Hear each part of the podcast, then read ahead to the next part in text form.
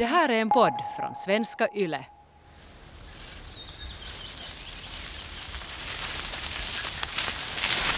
Vi sjunger jambalaya, eller i varje fall nynnar vi melodin, allt medan vi cyklar söderut i rask takt. Vi har sol i sinne och kraft i benen och idag känns varje backe som en barnlek. När vi passerar Sotkuma gör vi oss lustiga över namnet, men vi har inte tid att stanna utan trampar målmedvetet mot färjan vid Käsämä.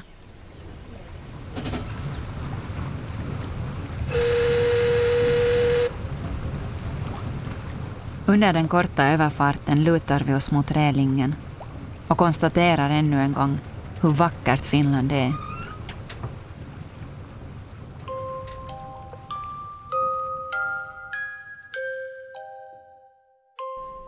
Vi anar inte att vår tid är utmätt och att vi endast om några timmar ska ligga nergrävda i ett kärr.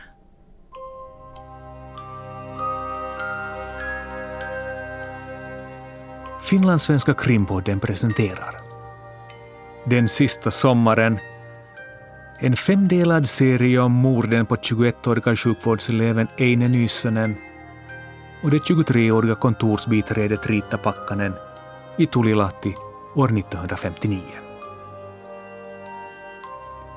Del 2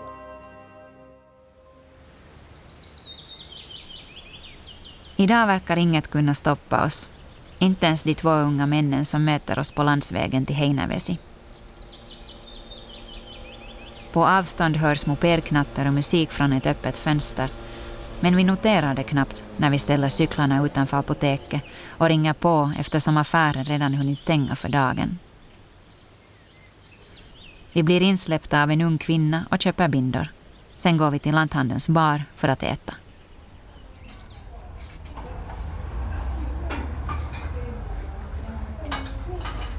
Det är inte många personer i baren. Heinävesi är en liten sömnig ort dit turisterna inte verkar hitta, konstaterar vi lågmält samtidigt som vi synar utbudet bakom glasdisken. Efter ett kort övervägande köper vi fyra glas mjölk, wienerbröd och bullar. En riktig festmåltid skrockar vi och låter oss väl smaka.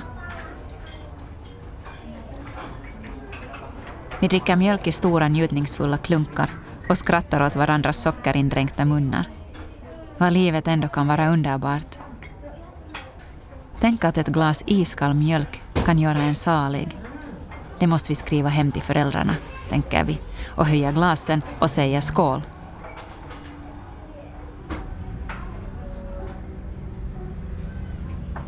Mätta och belåtna lämnar vi baren hämtar våra cyklar och kurvar in på den avskärmade platsen mellan kyrkan och begravningsplatsen.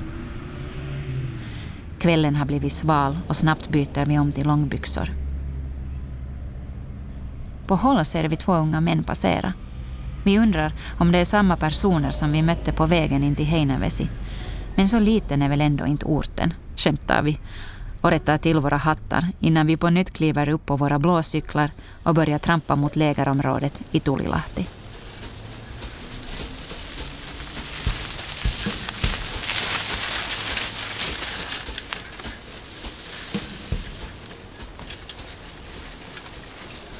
Det går undan, som om cyklarna visste att de snart får vila. Vi står på pedalerna i nedförsbackarna och ropar av fasa när vinden håller på att trycka hattarna från våra huvuden. Men det går bra trots allt och i följande motlut har vi vinden i ryggen och liksom susar över den lilla backen.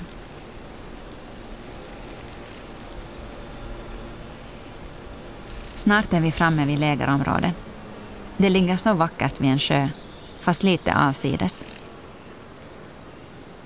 Vi skojar med varandra när vi letar upp ett skyddat ställe att slå upp vårt tält. Att här kunde ett brott ske utan att någon skulle upptäcka gärningsmannen. Hu, säger vi och ser oss omkring som om vi båda tänkt på Kyllikkisaris mord.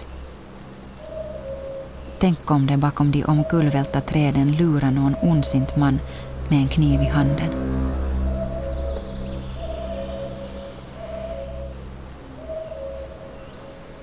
Sen skämtar vi bort vår oro och intygar varandra att ingen skulle hitta hit till den här avlägsna platsen, så liten och obetydlig som den är. Något lugnade börjar vi resa vårt tält ovanpå de granruskor som någon tidigare gäst lämnat kvar på marken. När det är gjort flyttar vi vår packning från cyklarna till tältet och står en stund utanför vårt tillfälliga hem. Var ska vi göra upp elden? I samma stund hör vi ljudet av en motorbåt som närmar sig lägerområdets brygga. Vi ser på varandra, nickar och undrar med ett skratt om det inte är eldarna som kommer som på beställning.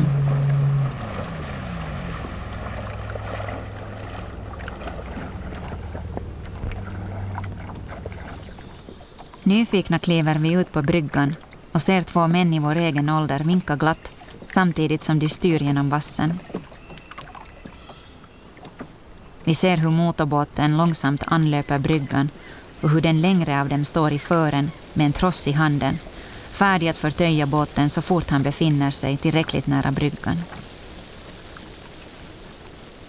Roat följer vi med männens bestyr och undrar sinsemellan om vi inte sett dem tidigare idag. När vi anlände till Heinävesi och när vi bytte till långbyxor vid gravgården. God afton, säger mannen som styrt båten och undrar om de får stiga i land. Ni har ju redan gjort det, säger vi och låtsas vara arga med korslagda armar och en tvär uppsyn. Men männen ser genast att vi skämtar och vågar sig närmare med framsträckta händer. Jag är Heikki och det här är Keijo. Vi hälsar på de företagsamma unga männen och säger att de kommer som på beställning. Jaha, vadå? undrar de förvånat. Ni ska få göra upp eld, säger vi och pekar på tältet ett stycke högre upp. De unga männen tittar på varandra som om de försökte avgöra vem av dem som var mer lämpad. Men till slut är det Keijo som rycker på axlarna och säger att han kan åta sig uppdraget. Medan vi vandrar upp mot tältet börjar Keijo samla papper som ligger på stranden. En stund senare står han på huk invid tältet och försöker få några kvistar att börja brinna. Heikki ger goda råd, men lågan i den improviserade eldstaden slocknar trots att Keijo matar den med papper. Perkele, svär han och säger att här behövs nog näver för att elden ska ta sig.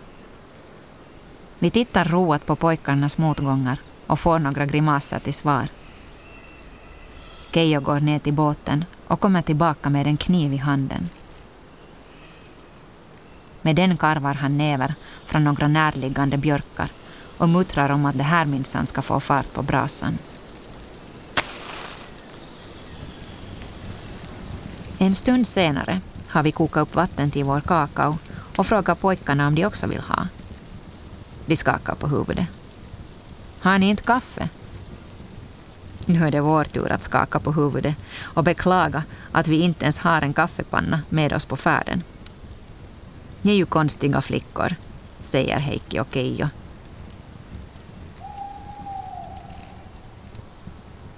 Vi småpratar och har det trevligt tillsammans. Vi berättar om dansen i Polvijärvi och om annat trevligt som vi varit med om under veckan. Men våra namn låter vi bli att avslöja, trots att pojkarna gång på gång under kvällen försöker lirka dem ur oss. I något skede av kvällen får vi varsin kavaljer att underhålla. Visst försöker de kyssa oss och lägga armen runt midjan, men vi låter oss inte infångas, avfärdar bara deras inviter och placerar Panamahattarna på deras huvuden så att vi alla brister ut i skratt Elden håller på att falna och plötsligt känner vi alla hur kallt det är. Säkert inte mer än 15 grader. På avstånd hörs någon vandra med snabba kliv och på utsiktsplatsen blickar två människor ut över viken. Vi tar på oss tröjor och Keijo hämtar filtarna ur tältet som vi alla draperar oss i, förutom Heikki som ber att få låna kniven. Vad ska du med den till? Undrar vi. Ni får snart se, svarar han kort och vandrar ett stycke till en björk vars vita stam ännu lyser i skymningen. En stund senare återvänder han med mera näver som han skickligt skär och viker till två små rivor. När askarna är klara karvar han ännu in sina initialer och klockslaget 23.15. Varsågoda, säger Heikki och överräcker presenterna lite blygt som om han misstänkte att vi inte uppskattar hans enkla gåvor. Vi tackar vänligt, men antyder samtidigt att det snart börjar vara läggdags. Keijo verkar ändå helt immun för våra signaler och säger istället att vi nu måste fotografera oss. Ja, som ett minne för livet. Heikki vill inte vara med på bild och till slut poserar endast vi flickor medan Keijo håller i kameran och ber oss le det vackraste vi kan.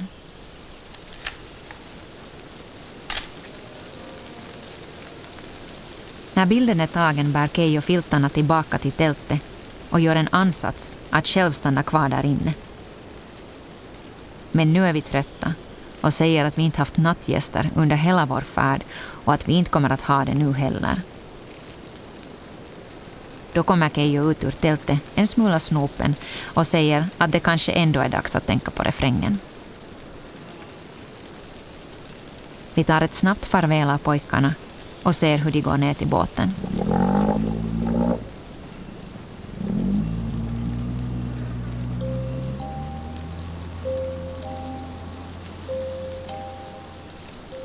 Klockan är halv tolv. Vi kryper in i tältet och lägger oss till ro, som vi gjort alla tidigare kvällar. Sen småpratar vi tills vi båda känner hur sömnen övermannar oss. Stilla somnar vi in, omedvetna om att detta är vår sista dag i livet. Omedvetna om att ondskan följt oss i spåren och att den snart ska hinna upp oss. Borde vi ha gjort något annorlunda? Borde vi ha sett vad som håller på att ske? Nu är det i varje fall för sent. Alldeles för sent. Om några timmar finns vi inte längre.